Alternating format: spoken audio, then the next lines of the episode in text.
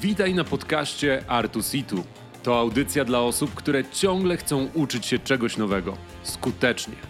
Gospodarzy programu to Rafał Cupiał i Radek Czachajda. Jesteśmy geekami rozwoju opartego na dowodach. Badania zjadamy na śniadania. Co drugi tydzień rozmawiamy o praktycznych wnioskach z badań naukowych dotyczących różnych obszarów komunikacji życia i biznesu. Zapraszamy! Cześć, witamy Was bardzo serdecznie. Tutaj jest Radek Czechajda i ja, Rafał Cupiał. Zaczynamy nasz pierwszy pilotażowy odcinek podcastu Artu Situ. Będziemy rozmawiali o badaniach, badaniach w biznesie, będziemy rozmawiali o komunikacji biznesowej, przywództwie, marketingu, herze i zarządzaniu. I idea jest taka, że to będą takie bardziej piątkowe podcasty, czyli będziemy się spotykać, zastanawiać, co takiego ciekawego wyciągnęliśmy z ostatnich dwóch tygodni, z tego, o czym czytamy, o czym słuchamy, z naszych szkoleń, z tego, co projektujemy i będziemy sobie o tym rozmawiać, podsumowywać, uczyć się od siebie nawzajem. Mam nadzieję, że będziecie w tym uczestniczyć, będziecie mieli dobry czas i przyjemny czas, merytoryczny i przyjemny. Czy coś byś dodał, Radku? No, przede wszystkim e, przyjemny, nie? No i, i dla mnie to jest e, taki fenomen odnośnie samego uczenia się, nie? Że jak e, sobie utrwalimy sami przed sobą, to w zasadzie ten podcast jest dla nas, ale myślę, że przez to, że on będzie dla nas, to też będzie dla wszystkich, którzy, którzy nas będą słuchali. Mm. Szczególnie, że jedną z najskuteczniejszych według badań metod uczenia się jest active recall, czyli wyciągnięcie rzeczy, o których czytałeś albo o których słuchałeś i próba opowiedzenia o nich, nauczenia, nauczenia nich innych. Więc e, to jest świetne, świetna przestrzeń do tego, żebyśmy mogli też siebie sami nauczyć nawzajem um, tego, o czym czytamy i co robimy ostatnio. Dobra, no już mamy pierwszy wisdom nugget. E, warto, warto uczyć innych. E, odpalam nasz super E, profesjonalny whiteboard. I pytanie do ciebie, jakie tematy na dziś, co masz takiego, o czym e, byś chciał pogadać? Dobrze, więc jeżeli chodzi o dziś, to po pierwsze, myślę, że moglibyśmy się zastanowić nad tym, jak nasza konwersacja ma wyglądać, żeby była dynamiczna i możemy sobie spojrzeć na to, czemu ta komunikacja w online czasami jest taka kwadratowa, mówiąc kolokwialnie, czyli albo trzy osoby mówią naraz, albo nikt nie mówi, jest niezręczna cisza i wyciągnąć z tego jakieś wnioski. I ja jestem aktualnie w dwóch tematach, czytam badania, czytam publikacje. Pierwszy to jest inteligencja kolektywna, czyli co różni inteligentne grupy od mniej inteligentnych, co to w ogóle znaczy, że grupa może być inteligentna jak osoba. No i taki model neuronauki społecznej, który się nazywa SCARF, który bardzo mi pomaga w budowaniu narzędzi do dobrego feedbacku, do zarządzania konfliktem, do negocjacji. Dobrze to są moje tematy. E, szalik? Mhm. Dokładnie tak jak szalik. To chyba kapslokiem, e, nie? Mega, mega. No. E, ja w zasadzie mam tak na dobrą sprawę lekcję z ostatnich trzech dni, bo nagrywałem we wtorek zapowiedź, która już absolutnie nie jest aktualna, bo się nauczyłem nowych rzeczy, gdzieś mnie teraz mocno jarają. Pierwsza, myślę, że w sensie fenomenalnej i trochę takie z innej beczki niż to, o czym zwykle mówię, to, to jest algorytm poszukiwania żony. E, fenomenalne z, z książki e, Algorithms to Live By, właśnie taka, która podsumowuje takie mm, algorytmy z punktu widzenia informatycznego i ich zastosowanie w codziennym życiu. E, I bardzo ciekawy algorytm do kiedy przestać szukać, a zacząć podejmować decyzje w wielu obszarach, nie? bo też parkowanie, czy szukanie idealnego mieszkania, mm. szukanie idealnej gry na wieczór, filmu na wieczór, nie? Mm -hmm. Bardzo ciekawy, bardzo ciekawy temat. E, wczoraj w ramach podcastu Science of Business rozmawiałem z Johnem Besant o kreatywności i też taki, taki wisdom nugget, czy coś, co mnie olśniło, to to, że mamy coś takiego jak spektrum kreatywności. To jest też taki temat, który bym chciał e, poruszyć. I trzecia kwestia z dzisiaj, także tak jak mówię, naprawdę, naprawdę się sporo dzieje. E, dzisiaj pisałem artykuł dla Epale o nawykach i e, zdałem sobie sprawę, że bieganie rano to nie jest nawyk. Myślę, myślę że na razie to zaparkuję w taki sposób. Mhm. A myślę, że nie wiem, chyba dobrze by było, żebyśmy zaczęli właśnie od tego, jak prowadzić tą rozmowę, bo faktycznie też mam takie wyzwanie, w sensie wczoraj, jak, jak prowadziłem ten webinar, mm, żeby czasem wejść w zdanie, nie? żeby to było dynamiczne. Kiedy słucham, kiedy jestem online, to jakoś, jakoś to się tak łatwo nie dzieje. Nie? Coś, jest, coś jest takiego, e, co gdzieś to blokuje, także ciekawy jestem, co, e, co myślisz na ten temat, co badania mówią na ten temat tej dynamicznej konwersacji. Także od tego bym na pewno zaczął, a potem zobaczymy, co mhm. się będzie działo dalej. Mhm. Ja przeglądam dużo analiz zrobionych przez Social Human Dynamics Labs na MIT. I oni mają takie narzędzia jak socjometr i oni generalnie też zapoczątkowali badania socjometrycznych danych, czyli różnych sygnałów niewerbalnych, społecznych, które wysyłamy w komunikacji. No jest taka teoria, że w sytuacji, w której gdybyśmy byli razem w jednym pomieszczeniu, siedzimy sobie przy stole, powiedzmy opowiadam żart, to na poziomie werbalnym ja opowiadam tobie żart i innym osobom, które są dookoła nas, ale na poziomie niewerbalnym to jest tak, jakbym sygnalizował, słuchajcie, żart się kończy za 39, 38, 37, 36, 35 sekund i moje ciało pokazuje, że jak to powiem, to będzie koniec i mówię, sygnalizuję ciałem, ej Radek, żart się skończy, patrzę na ciebie, chciałbym, żebyś się zaśmiał, żebyś zareagował na ten żart i żebyś przejął ten gadający patyk, żebyś przejął pałeczkę teraz i żebyś ty poprowadził konwersację. I gdyby zobaczyć nas gdzieś z boku, z jakiejś kamery, to by wyglądało tak, że ja opowiadam, patrzę się na wszystkich, ale powoli przekierowuję się w twoją stronę. Ty łapiesz sygnał i zajmujesz trochę większą przestrzeń, szykujesz się do tego, żeby się roześmiać i szykujesz się do tego, żeby przejąć konwersację. Dlatego kiedy zsynchronizujemy się z ludźmi w takim stacjonarnym świecie, to jesteśmy w stanie wymieniać się kwestia za kwestię, płynąć tą konwersacją, uzupełniać swoje zdania. W momencie, w którym jesteśmy w online, to pomijając oczywiście to, że może nam spowolnić internet, nawet gdyby był super szybki, zawsze jest delikatne spowolnienie sygnału, więc też odbieramy osoby jako bardziej dominujące, negatywnie nastawione do nas, ale nie mamy masy informacji, tak? Nie widzimy dłoni, widzimy je w dziwnym, w dziwnym zestawieniu, tu gdzieś wchodzą palce, dłoń jest większa od twarzy, nie widzimy stóp, nie widzimy całego ciała, czy to ciało też jest zablokowane, nie przekierowuje się do ciebie, no bo gdzie ty jesteś, tak? Jesteś przed moją twarzą, e, w związku z czym bardzo ciężko jest bez tych sygnałów wyczuć z niewerbalnego kontekstu, jaka jest kolejność, kto teraz mówi, kto będzie zajmował więcej przestrzeni, kto będzie zajmował mniej. Mm, no dobra, czyli jest ciężko, ale okej, okay, patrz, udało mi się. W zasadzie wszedłem teraz gdzieś, gdzieś w zdanie po prostu. E, kwestia chyba kontroli też tego, jak dużo, jak dużo mówimy, żeby to było e, dynamiczne. A, a myślisz, nie wiem, jakbyśmy sobie mrugali albo gdzieś, wiesz, mamy tu ten czat, możemy sobie pisać na czacie, mam, mam coś do powiedzenia. Albo czy są jakieś takie mechanizmy? Tak sobie myślę już od strony spotkań, nie? Bo, bo często robię szkolenia z, teraz będę miał Zoom Fatigue, czy jakaś facylitacja spotkań online.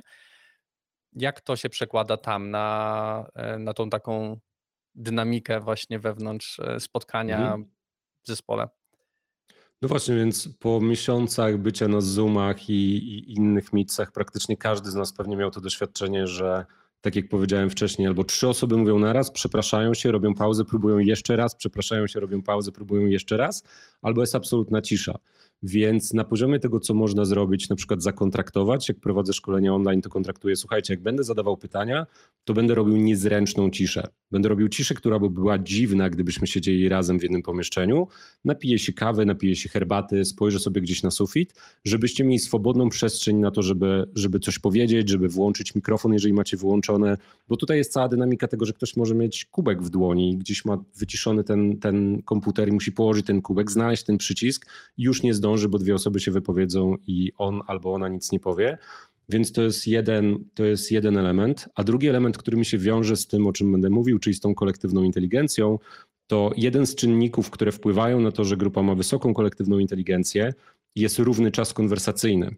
Czyli właśnie zadbanie o to, żeby była mniej więcej e, na koniec dnia, na koniec rozmowy, na koniec szkolenia, równa wymiana, równy czas, światło, światło sceniczne, na każdą osobę. Więc to można zabezpieczyć też różnego rodzaju takim designem, na przykład tokenami. Jeżeli mamy dyskusję i mamy bardziej nieśmiałe osoby, mamy bardziej dynamiczne, bardziej dynamiczne komunikacyjnie osoby bardziej dominujące, to może być tak, że każdy ma token wypowiedzi i dyskutując o tym problemie, każdy musi swój token zużyć żeby móc token jeszcze raz wykorzystać.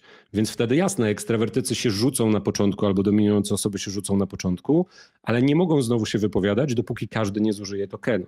A te osoby, które są może bardziej wycofane, bardziej nieśmiałe, mają zabezpieczone, wow, mikrofon mnie zaatakował, mają zabezpieczone, mają, dzieje się, mają zabezpieczone tym tokenem czas konwersacyjny. Mogą sobie poobserwować grupę, poczekać, wykorzystać ten token. On dla nich jest. One i tak zostaną zapytane o opinię. Mega, kojarzy mi się to z badaniami.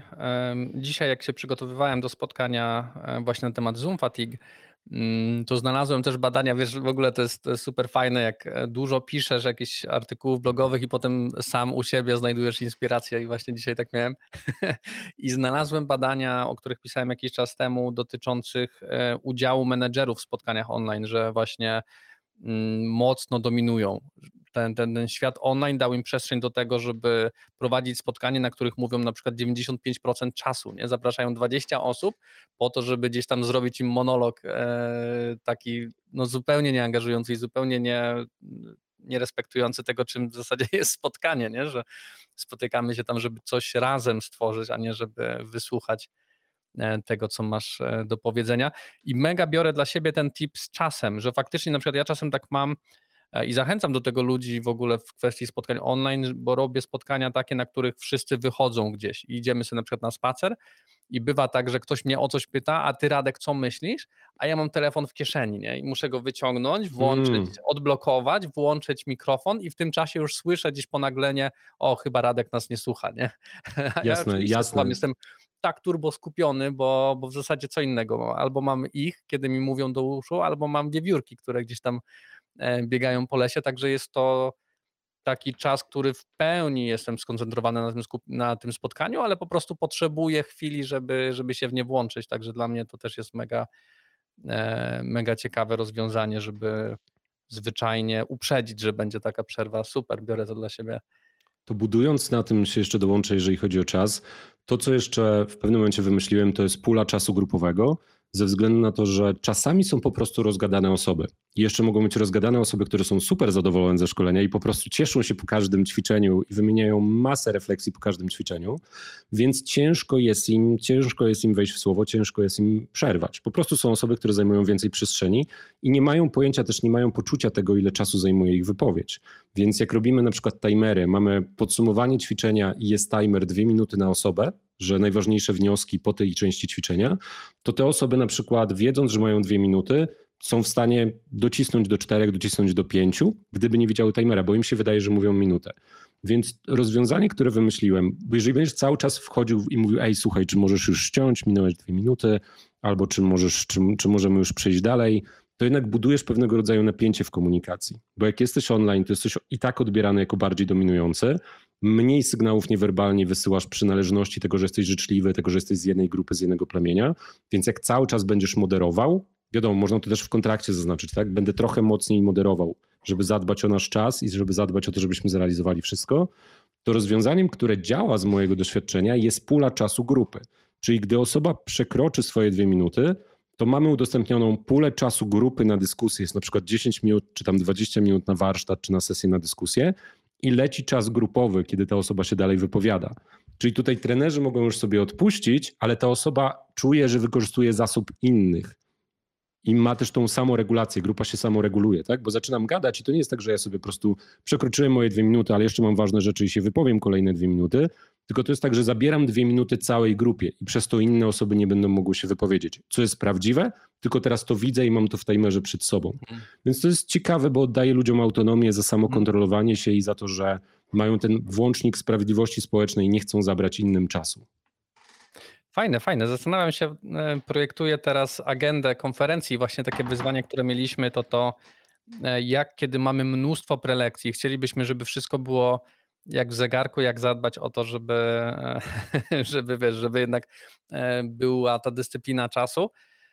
Nasze rozwiązanie to to, żeby był panel pytań po prelekcji i po prostu to jest ten bufor, który możesz sobie samemu zabrać ciekawe, kiedy, kiedy ludzie współpracują w zespole, który, w którym wspólnie e, dysponują swoim czasem. Myślę, że to też by mogło tak zagrać fajnie. Mm, ale chyba się nie odwala, że akurat tutaj szczególnie wiesz, parujemy ludzi, którzy się nie znają, nie lubią i ktoś kogoś sabotuje, zabiera mu czas, e, czas na wystąpienie, ale fajne do, do warsztatowej pracy myślę, że mega. Mm, tak samo jak te tokeny. Ja kiedyś to robiłem przede wszystkim na szkoleniach e, z pracy w zespole, znaczy może nawet nie pracy, tylko bardziej facylitacji spotkań w zespole, takich właśnie, gdzie każdy ma równo się wypowiedzieć, ale nie po to, żeby to było narzędzie takie, które mamy zabierać dla siebie, tylko po to, żeby uświadomić tej osobie, która trzyma tą monetę, że jeszcze nie mówiła albo że wrzuciła, że już powiedziała, nie? Że, żeby mhm. porozmawiać trochę o tym, jak wygląda nasze, nasz udział w spotkaniu, kiedy E, kiedy jesteśmy świadomi mocno tego, ile my mamy rzeczy do powiedzenia i jak często je wykorzystujemy. Raczej korzystałem nie, że każdy po razie, tylko na przykład każdy ma trzy tokeny pokerowe, żetony mhm. pokerowe i po prostu może je wydać odpowiednio w czasie dyskusji, ale potem rozmawiamy o tym, kiedy on te żetony wydał. Kto na przykład trzymał swoje żetony do końca, a potem mówił, dobra, słuchajcie, moim zdaniem to tak, tak i tak, nie? kiedy mm. nikt inny już nie mógł rozmawiać, nie? To jest zupełnie inna strategia. Ciekawe, tak, bo tu mega. wtedy też masz taktykę konwersacyjną pod kątem, że na przykład ostatni token należy do ciebie, albo masz trzy ostatnie tokeny, więc możesz mm. po prostu wszystko podsumować i jeszcze dać swoje zdanie i nikt się nie może wypowiedzieć. To jest no, ciekawe, no, bo, to, bo to pozwala z jednej strony też obserwować dynamikę grupy pod kątem terytorializmów bo ktoś może taktycznie uznać, dobra, token to jest terytorium, tak jakby czas konwersacyjny jest moim terytorium, w związku z tym zarządzam tym zasobem, żeby na koniec mieć tą pieczątkę swoją ostatnią, ostatnie zdanie i kropkę. Um, to jest bardzo fajny pomysł też na, na takie ćwiczenie doświadczeniowe na warsztat, żeby sobie to poobserwować, jak to w grupach działa. Kiedy, kiedy każdy negocjuje o coś, tak? kiedy jest jakiś taki temat, że każdy chce coś ugrać, jak będą mhm. grali tokenami, E, czyli już druga strona, bo to, czego zaczęliśmy, to jest to, jak synchronizować grupę, żeby był równy udział konwersacyjny, a ja bym sobie zobaczył, jakie dysfunkcje się pojawiają, kiedy wprowadzasz na przykład narzędzie i jak grupa może um, zhakować to narzędzie, żeby, żeby robić terytorialne rzeczy. No ja myślę, że w ogóle to jest temat na doktorat. Jakby ktoś tak, tak, to jest... mocno skupił, przeprowadził trochę eksperymentów, co się dzieje w tych. E, to jest, um, rzucam taki temat, chociaż jest spoza naszej agendy, ale bardzo mi się kojarzy z tym, może na następny podcast. Doszedłem do takiego wniosku, że każde narzędzie, właśnie tokeny, czy, czy radykalny feedback, czy NVC, każde narzędzie komunikacyjne możesz wykorzystać jako broń terytorialną, jeżeli nie masz zbudowanej, jeżeli grupa nie ma zbudowanego bezpieczeństwa i przynależności, to może wykorzystać to, że teraz było szkolenie z empatii pod tytułem nie powinieneś mi dawać krytycznego feedbacku, to nie jest empatyczny, przekraczasz moje granice i chronię się przed feedbackiem. Z drugiej strony, jeżeli było szkolenie z feedbacku, to osoby też mogą sobie dyskredytować i feedbackować bardzo mocno tych, którzy im zagrażają terytorialnie, a tych, którzy są w sojuszu gdzieś tam, gdzieś tam odpuszczać. Więc um, każde narzędzie, które ma zapewnić zdrową komunikację, jeżeli na takim pierwotnym, podstawowym poziomie grupa nie ma przynależności i bezpieczeństwa, z mojej perspektywy może być wykorzystane, żeby walczyć o terytorium i o status. Więc to jest też, nawet, nawet te trzy tokeny mogą być narzędziem, bronią terytorialną. Super. Biorę dla siebie. E, myślę, że możemy jeszcze zahaczyć jakieś inne tematy, chociaż już coś czuję, że ich listę będziemy musieli skracać na kolejne odcinki, ale biorę dla siebie przede wszystkim te przerwy, e, e, żeby dawać ludziom czas na to, żeby się włączyli w komunikacji online. Po prostu potrzebujemy go więcej i uprzedzić, że to może być niezręczne na początku, ale przyzwyczajimy się pewnie do tej ciszy, nie? do tego, żeby na spokojnie sobie łapać oddech i, i mówić. I biorę dla siebie też, e, też tokeny jako narzędzie, nie jako tylko eksperyment na szkoleniu, tylko coś, co faktycznie można wprowadzić, w sensie rozdajemy ilość wypowiedzi na, na spotkaniu. A dzisiaj też fajnie rozmawialiśmy, jeszcze dodam właśnie jedną rzecz od siebie.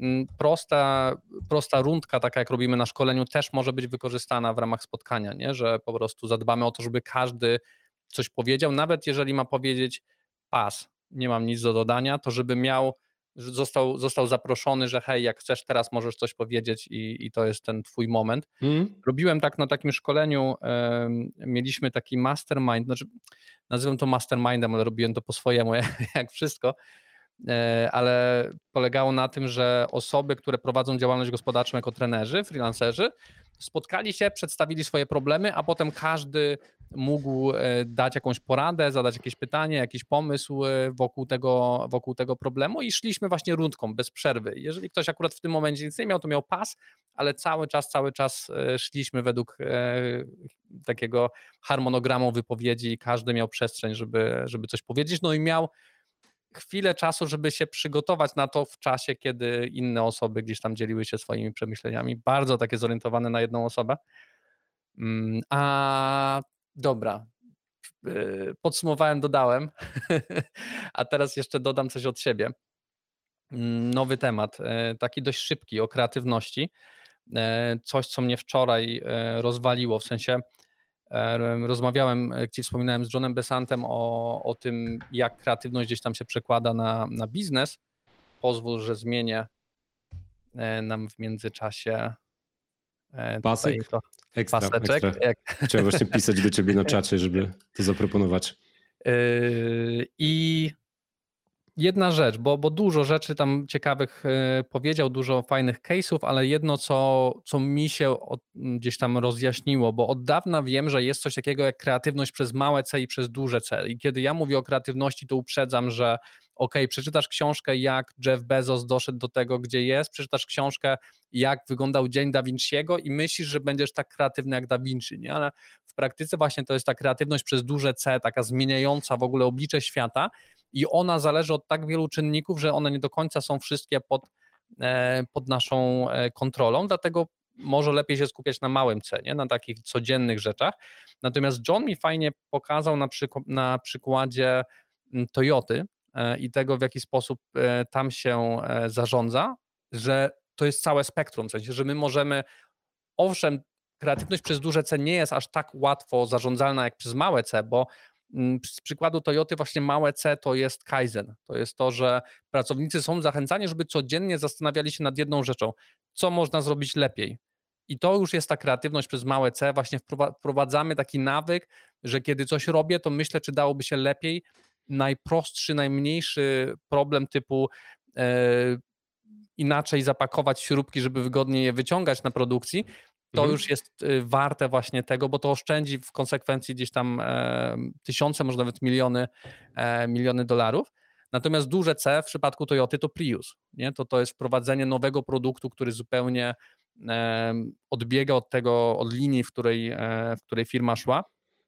No i tutaj po prostu ta kreatywność wygląda inaczej, nie? że tutaj mamy zespół, że tutaj e, też, też fajnie opowiadał o Tesli, coś co mnie urzekło, że Tesla miał mnóstwo beznadziejnych pomysłów E, i my dzisiaj o nich nie wiemy, bo wiemy o jego fenomenalnych, ale właśnie, że ta jednostkowa kreatywność często się wiąże z takim byciem trochę dziwakiem, nie? E, I, i przez, to, przez to jest rzadka, przez to też trudno się pracuje z osobami wybitnie kreatywnymi jako jednostki. Natomiast cały zespół, który jest różnorodny, gdzieś tam byśmy zahaczyli mocno o design thinking, nie? O, to, o to, w jaki sposób ten zespół prowadzić i jak stworzyć mu przyjemną, taką luźną atmosferę, wyzwalającą kreatywność, ale w praktyce właśnie to, co jest najważniejsze dla mnie, to to, żeby zdawać sobie sprawę, że kreatywność to całe spektrum, że mamy e, małą kreatywność, mamy wielką kreatywność i że to są w zasadzie trochę inne rzeczy i w inny sposób wyzwalane, nie? I, I, gdzieś to było dla mnie takie hiperciekawe. No mówił, że 20 minut na tydzień to za mało. Jakbyśmy chcieli, żeby dać ludziom naszym przestrzeń na kreatywność, to tak dobrze by było, żeby mieli godzinę w tygodniu E, zaplanowaną w, kalendarzu, że nie, nie mają wtedy spotkań, nic im się nie zawala, że mogą wtedy usiąść i przemyśleć, e, jak funkcjonuje ich, ich praca i co można było usprawnić, to to jest dobry, dobry start jako taki konkretny tip. Mhm. Ekstra. Ja robię sobie od razu notatki tutaj. E, to też utylizacja społeczna. Jak notuję, to nie jest to, że się znudziłem naszym podcastem i surfuję po internetach, ale robię notatki do tego, co mówiłeś, żeby się do nich odnieść. To jest dla mnie bardzo ciekawe zagadnienie wiadomo z perspektywy grupowej, ze względu na to, że w tym momencie eksploruję dwie przeciwstawne trochę koncepcje.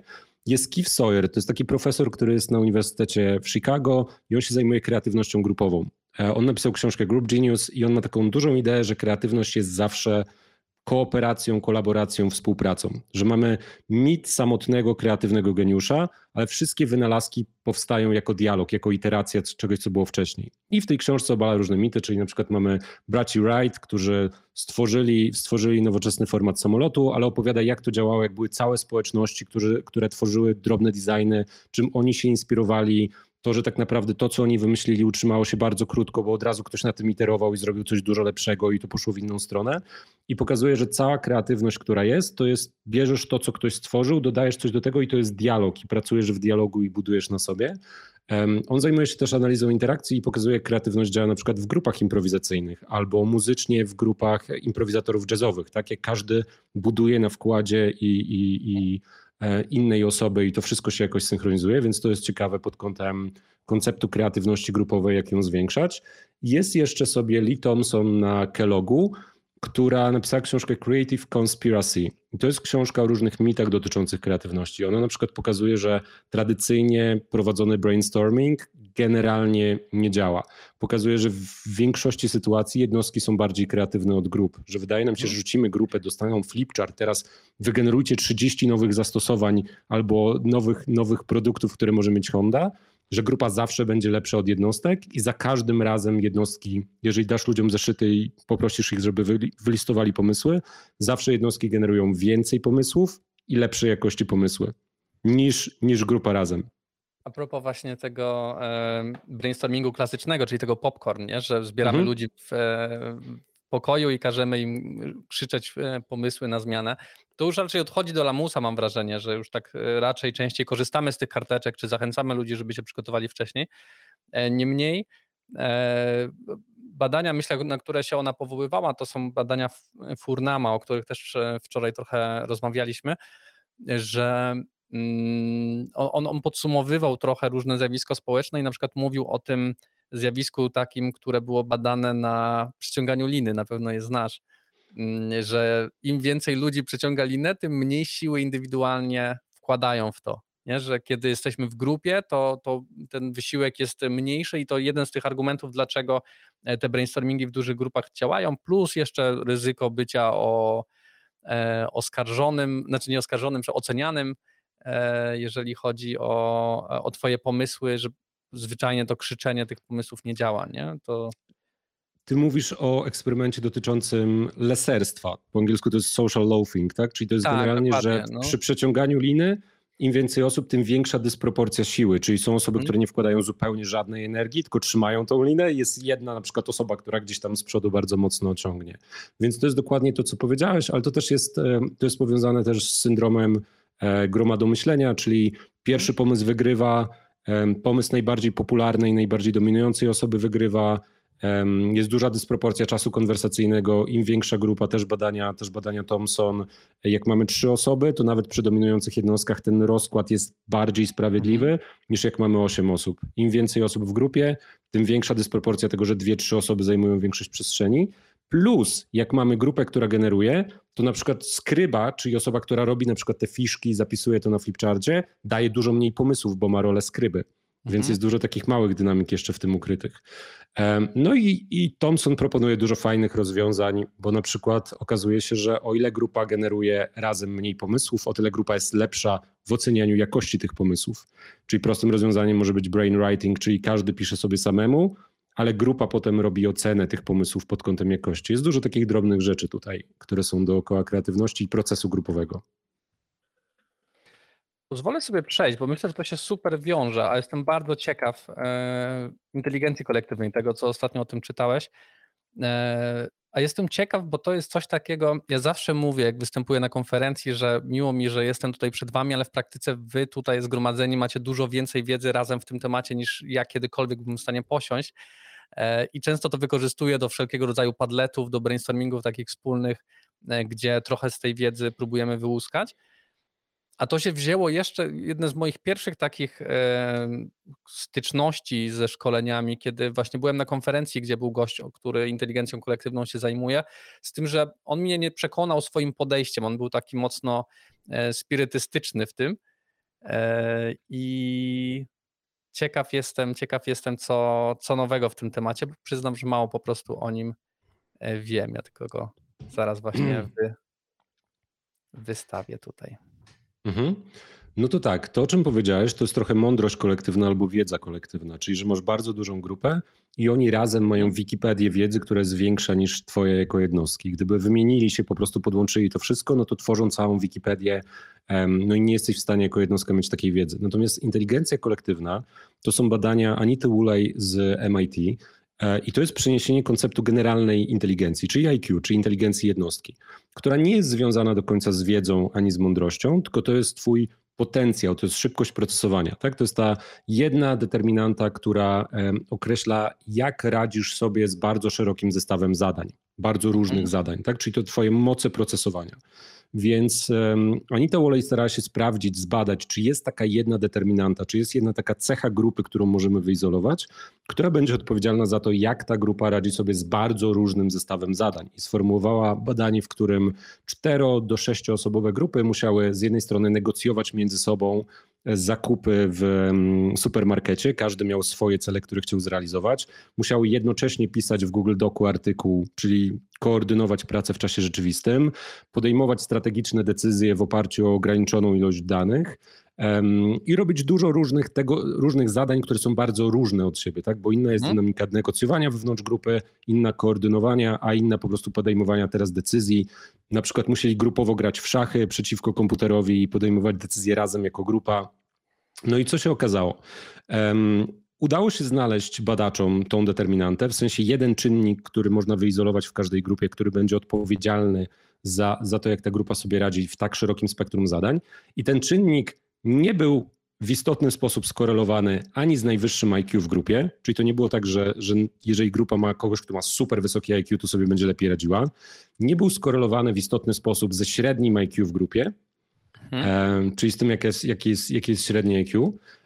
To nie były też zadania, to nie była chirurgia na otwartym mózgu, to nie było tak, że potrzebujesz eksperckiej wiedzy, żeby wykonać te zadania. To były zadania, które my moglibyśmy z biegu do nich podejść, każdy student mógłby z biegu do nich podejść, więc to są mocy procesowe, ale nie wymagało to eksperckiej wiedzy, to nie było naprawa silnika rakietowego.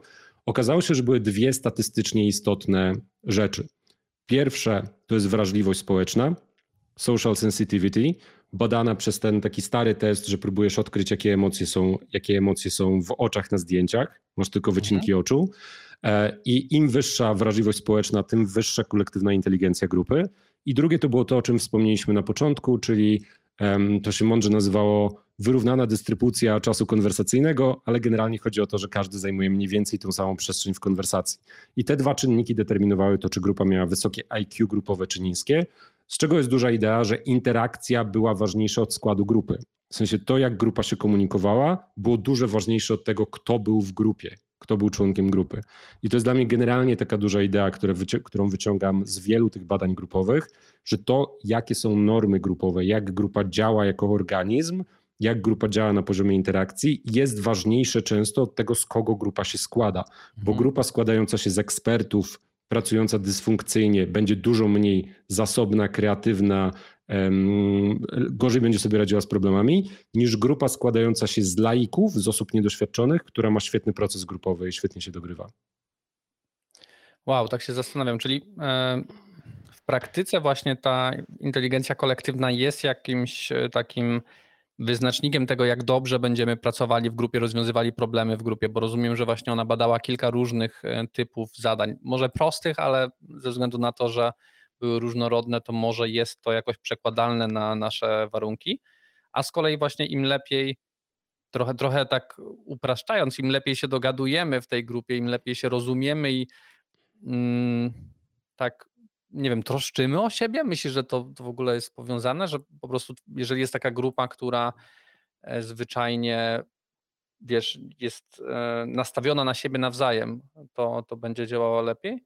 Czy to inaczej byś ujął? Ja, bym, ja to rozumiem trochę jako przepływ informacji, bo to IQ grupowe to jest ile ramu, ile pamięci roboczej ma grupa trochę. To mhm. jest jaki potencjał ma grupa. Ta grupa cały czas może być zdemotywowana i nie wykorzystywać tego potencjału, tak jak jednostka z bardzo wysokim IQ, która jest zdemotywowana, mhm. zdenerwowana, zestresowana, nie będzie wykorzystywała tego całego swojego ramu tej pamięci roboczej. Więc dla mnie te dwa czynniki to jest to, na ile szybko pingują się informacje pomiędzy członkami grupy. Bo ta wrażliwość społeczna to jest to, czy jak ty do mnie mówisz, to ja czytam bardzo dużo między wierszami, tak? Wyciągam więcej hmm. informacji z tego, co do mnie mówisz, bo widzę też intonację, e, intencję twoją odczytuję, a równy czas konwersacyjny zapewnia to, że wszyscy wkładają tyle samo informacji, więc nie tracimy informacji od innych członków hmm. grupy. Co dla mnie jest super ciekawe i muszę jeszcze pogłówkować nad tym, to to IQ grupowe nie było skorelowane z psychologicznym bezpieczeństwem w grupie, czyli z tym, czy czuje się, czy czuje się bezpiecznie, żeby kwestionować o. zdanie innych i żeby się odsłaniać, mówić, że na przykład nie wiem, jak coś zrobić, ale jest masa badań, które pokazują z drugiej strony, że psychologiczne bezpieczeństwo, upraszczając, odróżnia elitarne teamy od takich po prostu przeciętnych, że to jest norma grupowa, która jest po prostu jednym z największych dopalaczy tego, jak team sobie radzi. Jeżeli team czuje się bezpiecznie ze sobą na poziomie tym psychologicznym, to dużo lepiej radzi sobie z konfliktami, z krytyką, z feedbackiem, szybciej się uczy, szybciej wyciąga wnioski i tak dalej. Wow, wow. Eee, tak y, zastanawiam się nad taką interwencją, nie? że gdyby, jeżeli byśmy założyli, że ten czas, y, równy, równy czas jest, jest, jest krytyczny, no w sensie jest, bo, bo, bo, e, bo jest jednym z tych czynników, ale jeżeli by, w sensie łatwiej jest chyba nim zarządzać, niż zarządzać e, tym, e, tą wrażliwością społeczną, to czy wiesz, odpalamy, odpalamy spotkanie, na którym każdy ma taki timer szachowy e, i po prostu mierzy sobie czas, ile czasu on mówi i dążymy do tego, żeby, żeby to było wyrównane, żebyśmy angażowali się w różny sposób. To mi się kojarzy w ogóle właśnie, jak, jak, jak to porównujesz do komputerów, że tak jakbyśmy mieli, jeżeli tego nie robimy, nie? jeżeli są, mamy spotkanie, na którym osoby dominują, to tak jakbyśmy zaaranżowali, przygotowujemy sześć komputerów jakieś tam do obliczania czegoś, ale korzystamy tylko z dwóch, a cztery sobie leżą odłogiem, nie? I, i kiedy, mhm. to, kiedy to postawisz w ten sposób, to to jest, nie wiem, masz cztery pługi, a, a dwa stoją, a tylko dwa orzą, nie?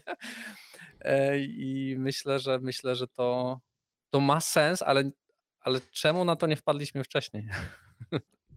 Um, to prawda, że na poziomie, na poziomie designu spotkania czy designu pracy grupy jest łatwiej zadbać o ten równy czas konwersacyjny niż zwiększyć ludziom wrażliwość społeczną. Co jest ciekawe, wrażliwość społeczna była silniejszym determinantem, w sensie była istotniejsza mhm. niż ten równy czas konwersacyjny. Co jest jeszcze dla mnie ciekawsze, to jest to, że Wrażliwość społeczna mierzona przez te odczytywanie emocji w oczach, ten stary test, on jest dostępny na internecie, można się włączyć, można go sobie tam przyklikać. Jedyne wyzwanie, jeżeli ktoś nie jest native'em, no to są takie słowa po angielsku określające emocje, z których rzadko się, rzadko się e, korzysta. To są takie bardzo niuansowe słowa. Natomiast można sobie to sprawdzić. To ten test Mierzył również wrażliwość społeczną w grupach, które były całkowicie cyfrowe i nie widziały się na kamerkach ani nie słyszały się głosowo. Czyli on się przekładał na to, czy z mhm. czatu, i, czy z komunikacji na komunikatorach pisanej wyczuwamy pomiędzy wersami um, intencje innych. Czyli z jednej strony był mierzony na poziomie, czy ja z oczu odczytam emocje, ale mierzył coś, co nawet w, w komunikacji pisanej było, było determinantem tego, na ile odczytujesz intencje. Ale, bo popłynąłem w bok, a chciałem się odnieść do tej wrażliwości społecznej.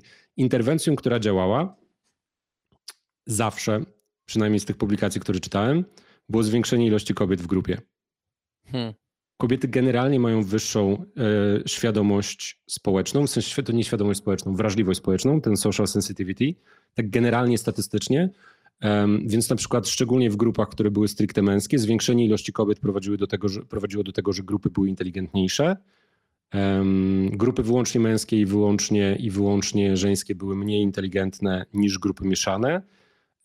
Ale to nie jest tak, że to nie jest tak, że mężczyźni są skazani teraz na klęskę, jeżeli chodzi o inteligencję grupową, bo świadomość, e, wrażliwość społeczną można trenować. To jest coś, co można rozwijać. Można rozwijać poprzez rozwijanie teorii umysłu, empatię poznawczą, emocjonalną. W sensie te rzeczy są trenowalne. Mhm.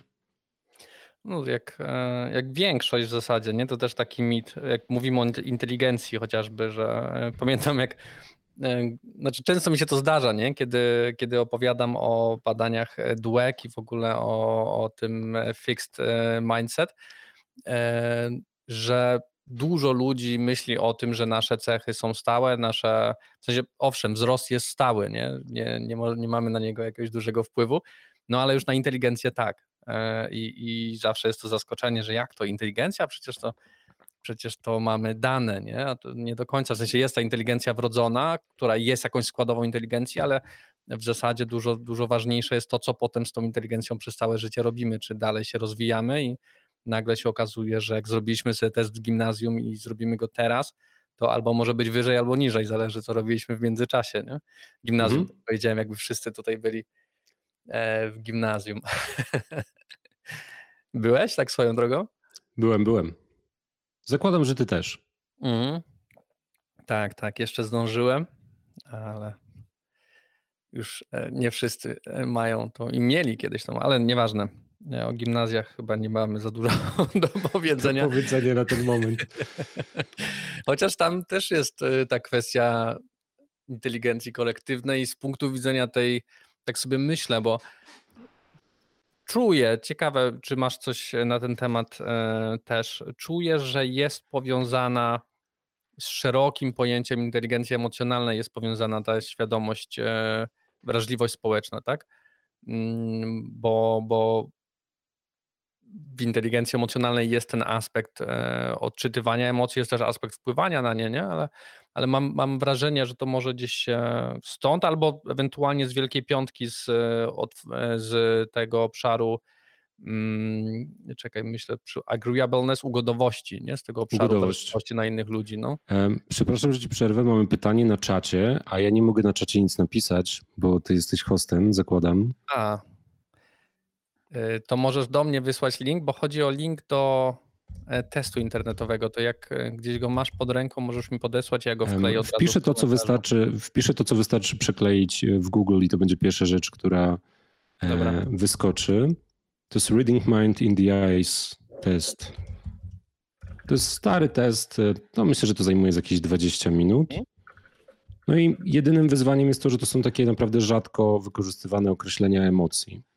Że to są takie. A, już ci to wklejam.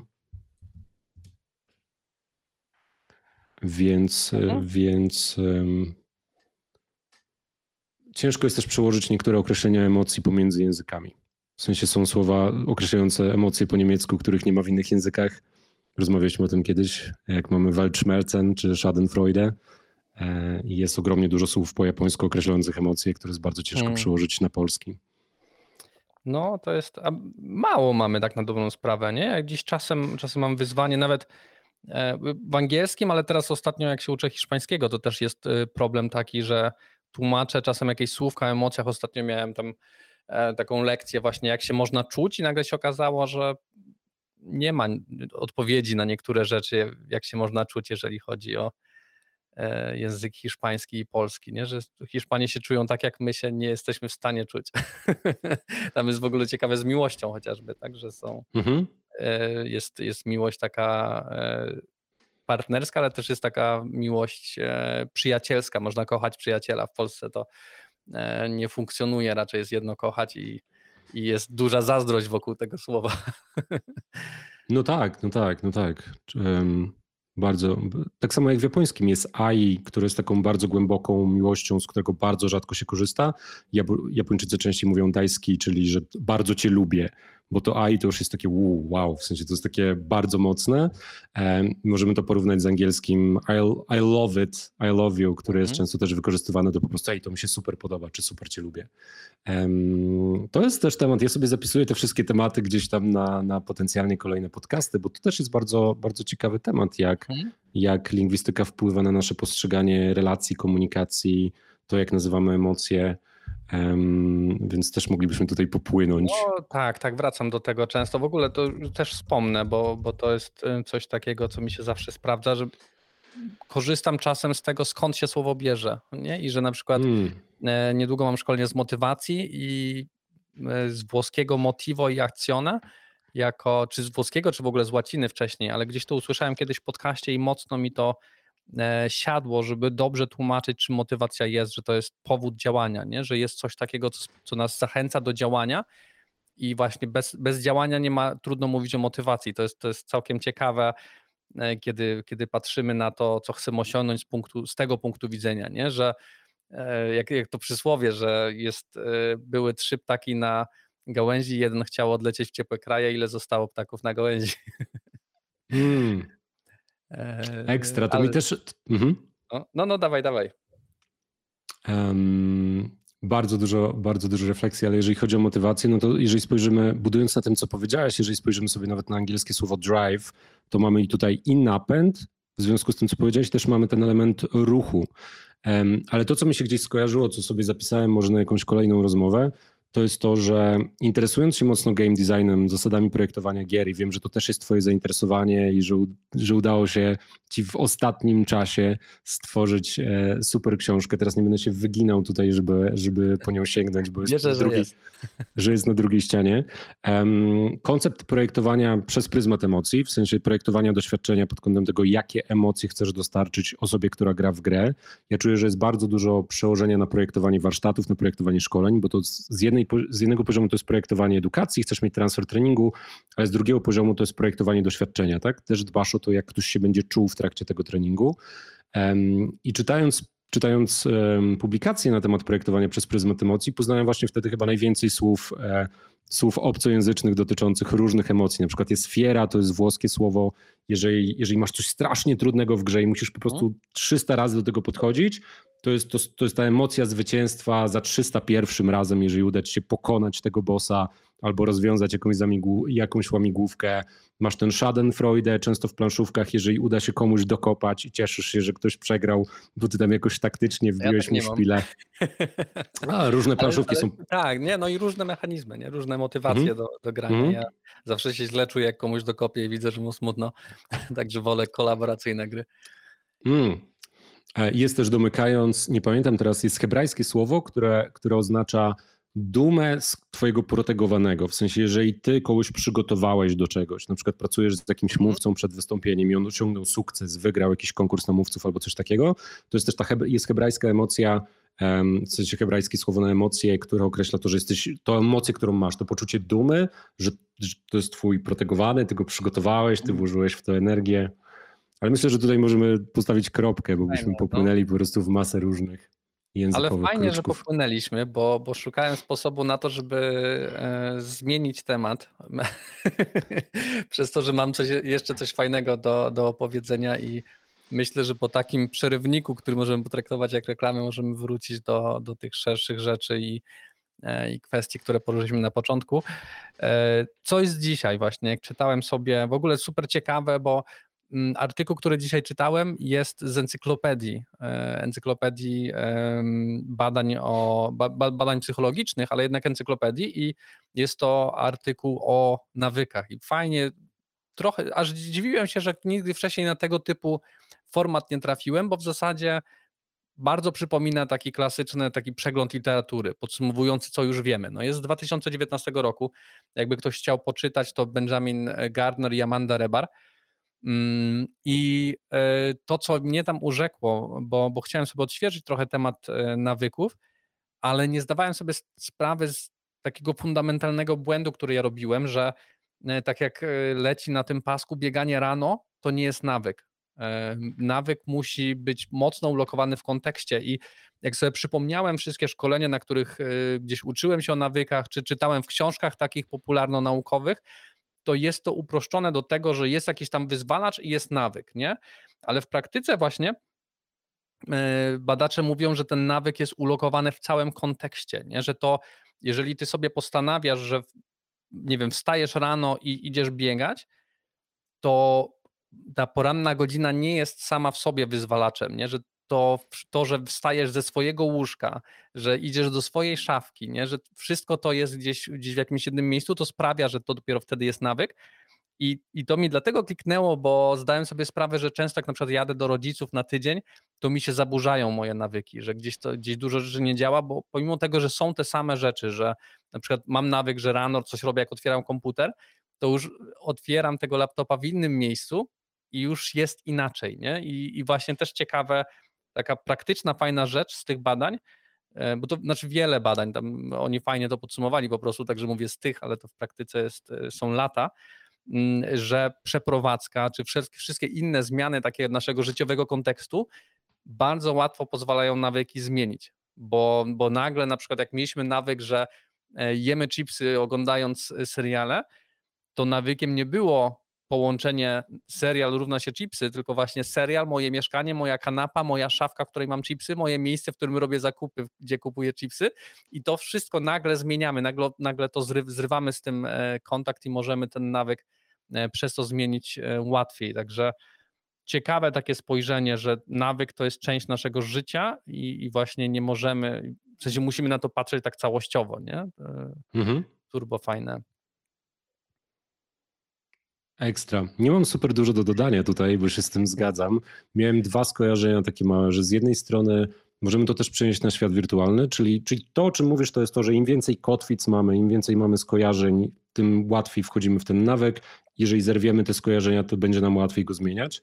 Więc gdybyśmy mieli na przykład niekorzystne dla nas nawyki związane z korzystaniem z naszego komputera, to równie dobrze możemy się przeprowadzić na komputerze, zmieniając to, jak interfejs wygląda, tak? W sensie zmieniając sobie nawet to, może z jakiej przeglądarki korzystamy, jaką mamy tapetę, jaki mamy wygląd wszystkiego, czy jak wszystko mamy poukładane, żeby zrobić sobie design, w którym budujemy nawyki, że okay, nie wiem, zaczynam dzień od głębokiej pracy, czyli od czytania badań albo pisania artykułu, a nie od sprawdzania tego, co kto napisał na LinkedInie, czy, czy, czy, czy przechodzenia przez maile, cokolwiek będzie dla nas potrzebne.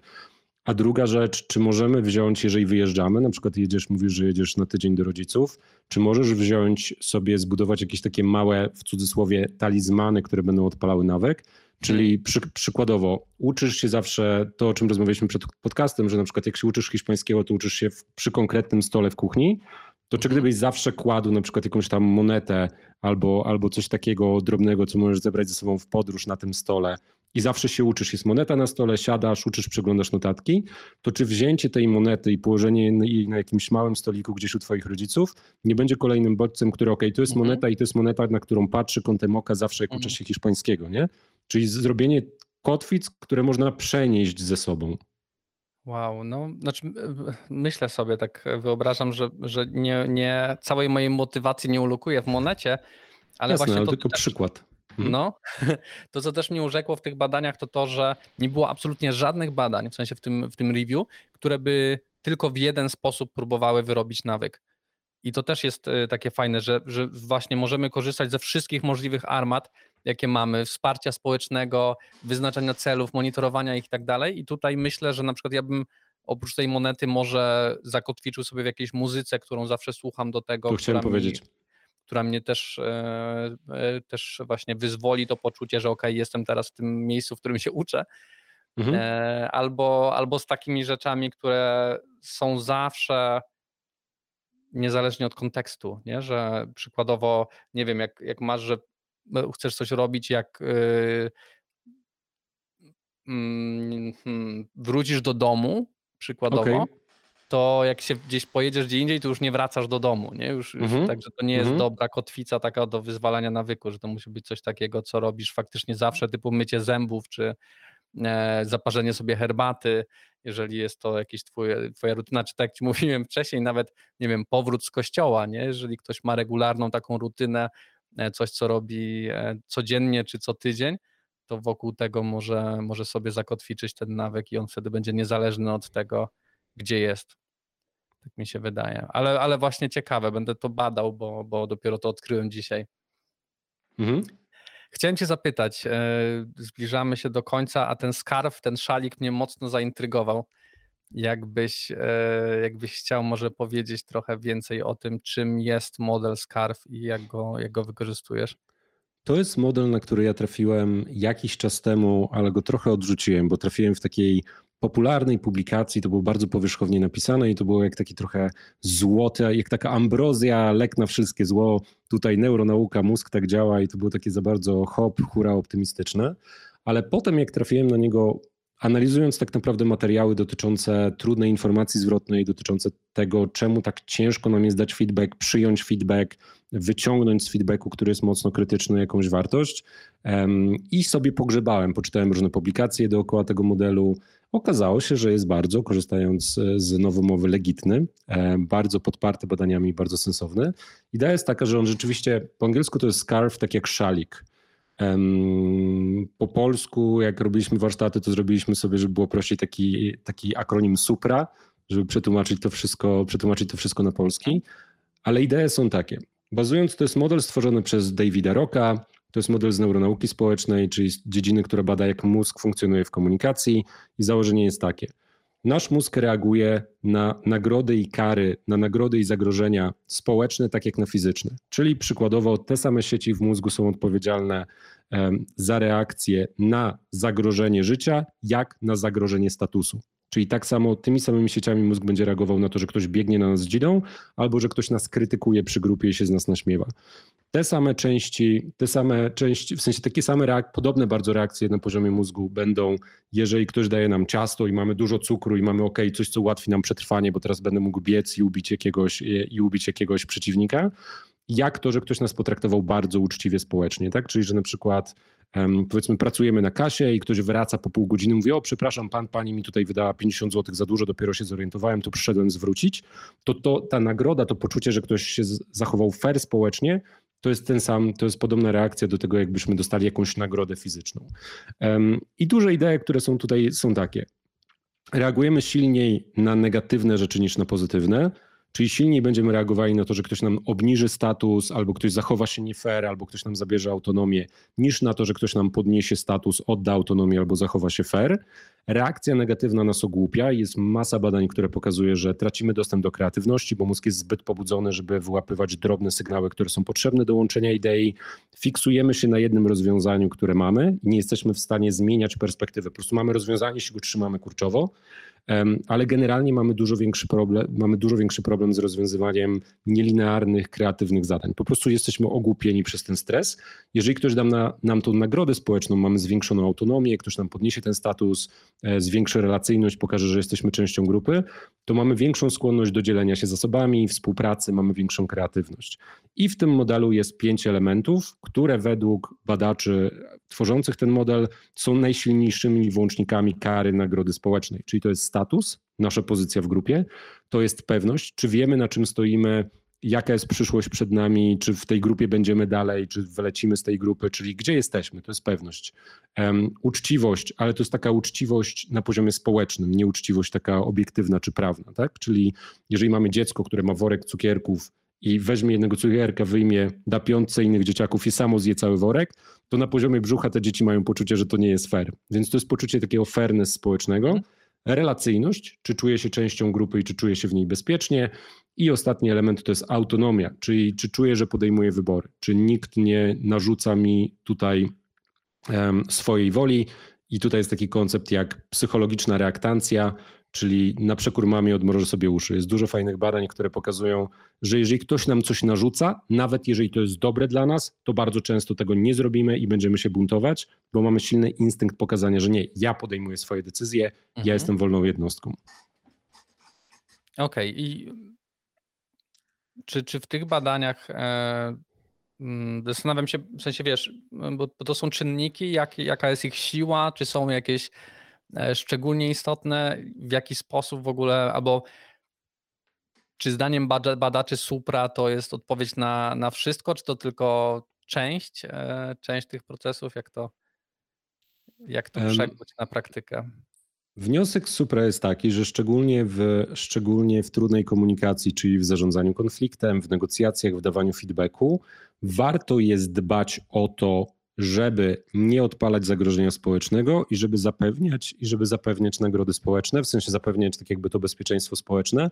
No i przykładem jak można, no wiadomo, że to nie jest odpowiedź na wszystko, żaden model nie jest, ale przykładem na to, jak można to wykorzystać na przykład w projektowaniu edukacji, jest badanie, które pokazuje, że jeżeli mamy dwa, dwie kategorie grup uczniów i studentów i dzieciaków w szkole młodych, to jeżeli jedna grupa ma narzucone zasady działania na lekcjach przez nauczyciela, po prostu nauczyciel mówi, to są zasady, tak będziemy tutaj funkcjonować, pracować, a druga grupa siada i sama generuje te zasady, wymyśla sobie, ustala, nauczyciel tylko moderuje, zadaje pytania, czy to jest dla was ważne, gdybyście musieli wybierać, to jaki będzie priorytet, to grupy, które stworzyły swoje zasady, swój kodeks, przestrzegają go 80% częściej. Czy można powiedzieć w drugą stronę, 80% rzadziej łamią zasady ustalone przez siebie i to jest włącznik autonomii, bo w jednej strony masz coś narzucone, więc masz instynkt, żeby łamać reguły, które są z góry narzucone, a w drugiej stronie to jest co, z drugiej strony to jest coś, co stworzyłeś. To jest tak jak kontrakt na szkoleniu, który powstał od strony uczestników, więc, więc czuję, że ja to wybrałem, ja to stworzyłem, będę się tego trzymał. Trochę jak efekt IKEA e, też, nie? Że sami stworzyli to ale, ale w ogóle coś, e, coś, na co liczę, jak będziemy tak się wymieniać regularnie badaniami, wnioskami, mam wrażenie, że wiele rzeczy tak się przenika, nie? Że, że e, w jednym modelu jest ukryty drugi, jest, jest e, to, to wszystko gdzieś tam się łączy i jak, jak tak liczę na to, że jak pogadamy sobie przez rok czy dwa, to, to to wszystko się będzie układało w jedną, w jedną Stworzymy zunifikowany model człowieka, wszechświata i komunikacji. Właśnie tego sobie i, i tobie życzę. I, I, słuchaczom życzymy. Słuchaczom, no. I co? Ja myślę, że ja mogę obiecać, że e, model, algorytm e, znalezienia żony będzie w kolejnym e, odcinku, żebyśmy utrzymali ten suspens i zaangażowanie. Jest. Cliffhanger. Yy, a i na pewno będzie więcej, nie? Jest, yy, pojawiają się te tematy, to co ty ponotowałeś, ale już chyba na dzisiaj może, może wystarczy. Miało być luźno, także, także nie będziemy przyciążać chyba za bardzo. Jaka taka jest główna myśl, którą zabierasz dzisiaj ze sobą? E, nowa lekcja, która doszła do, do tych wielu, które już wymieniłeś. Mm, nowa lekcja. Myślę, że to, co wezmę, to, to wezmę z tego, co mówiłeś o nawykach, ze względu na to, że, że to są tematy, którymi też się zajmuję, zajmuję rzadziej, więc to było takie ważne przypomnienie o tym, jak, jak kontekst jest istotny, tą refleksję, jak dużo jest czynników dookoła nawyku, na który mamy wpływ i który możemy zmieniać. Od dźwięku, od tego, co widzimy wizualnie, od tego, w czym jesteśmy, w jakiej pozycji siedzimy nawet, więc tutaj ja już zacząłem kotłować, generować pomysły, ile jest takich drobnych atrybutów, które można zmienić, żeby ten nawyk zbudować, albo żeby go rozbić. Więc to jest dla mnie, to jest dla mnie e, perełka z dzisiaj. Mm, dla mnie nugget ten największy to e, przerwy cisza, akceptowanie ale też przede wszystkim mm, takie uprzedzanie naszych uczestników, że będzie cisza po to, żeby oni się na spokojnie włączyli, żeby mieli ten, e, tą przestrzeń. Bardzo prosta rzecz, ale właśnie taka, o której, e, o której nie myślałem. Kolektywną inteligencję i, i skarf czy suprę biorę sobie trochę jako takie uświadomienie mi, jak mało wiem bo są to bardzo ciekawe tematy i faktycznie coś kojarzę, że czytałem o tym, że to jest nowe i że warto to rozwijać. Mm, I myślę, że jeszcze, jeszcze do tego na pewno wrócimy, żeby trochę gdzieś z różnych perspektyw o tym porozmawiać, właśnie jak to e, przekuć w praktykę. I nie mogę się doczekać kolejnego odcinka, także z mojej strony ja Ci bardzo dziękuję za, e, za rozmowę. Ja również bardzo dziękuję i dziękuję wszystkim, którzy byli z nami tutaj słuchali i się pojawiły nawet komentarze. Dziękujemy też Doris za podrzucanie dwóch linków i Gabrieli za pytanie, dzięki któremu pojawiły się te linki. Super. I co? Do usłyszenia za dwa tygodnie. Do usłyszenia za dwa tygodnie. Wielkie dzięki za wysłuchanie tego odcinka podcastu Artusitu. Znajdź nas na Facebooku, LinkedInie lub YouTubie, żeby w kolejnej audycji już wziąć udział na żywo. Subskrybuj nas na Spotify, iTunes lub gdziekolwiek słuchasz podcastów. Do usłyszenia.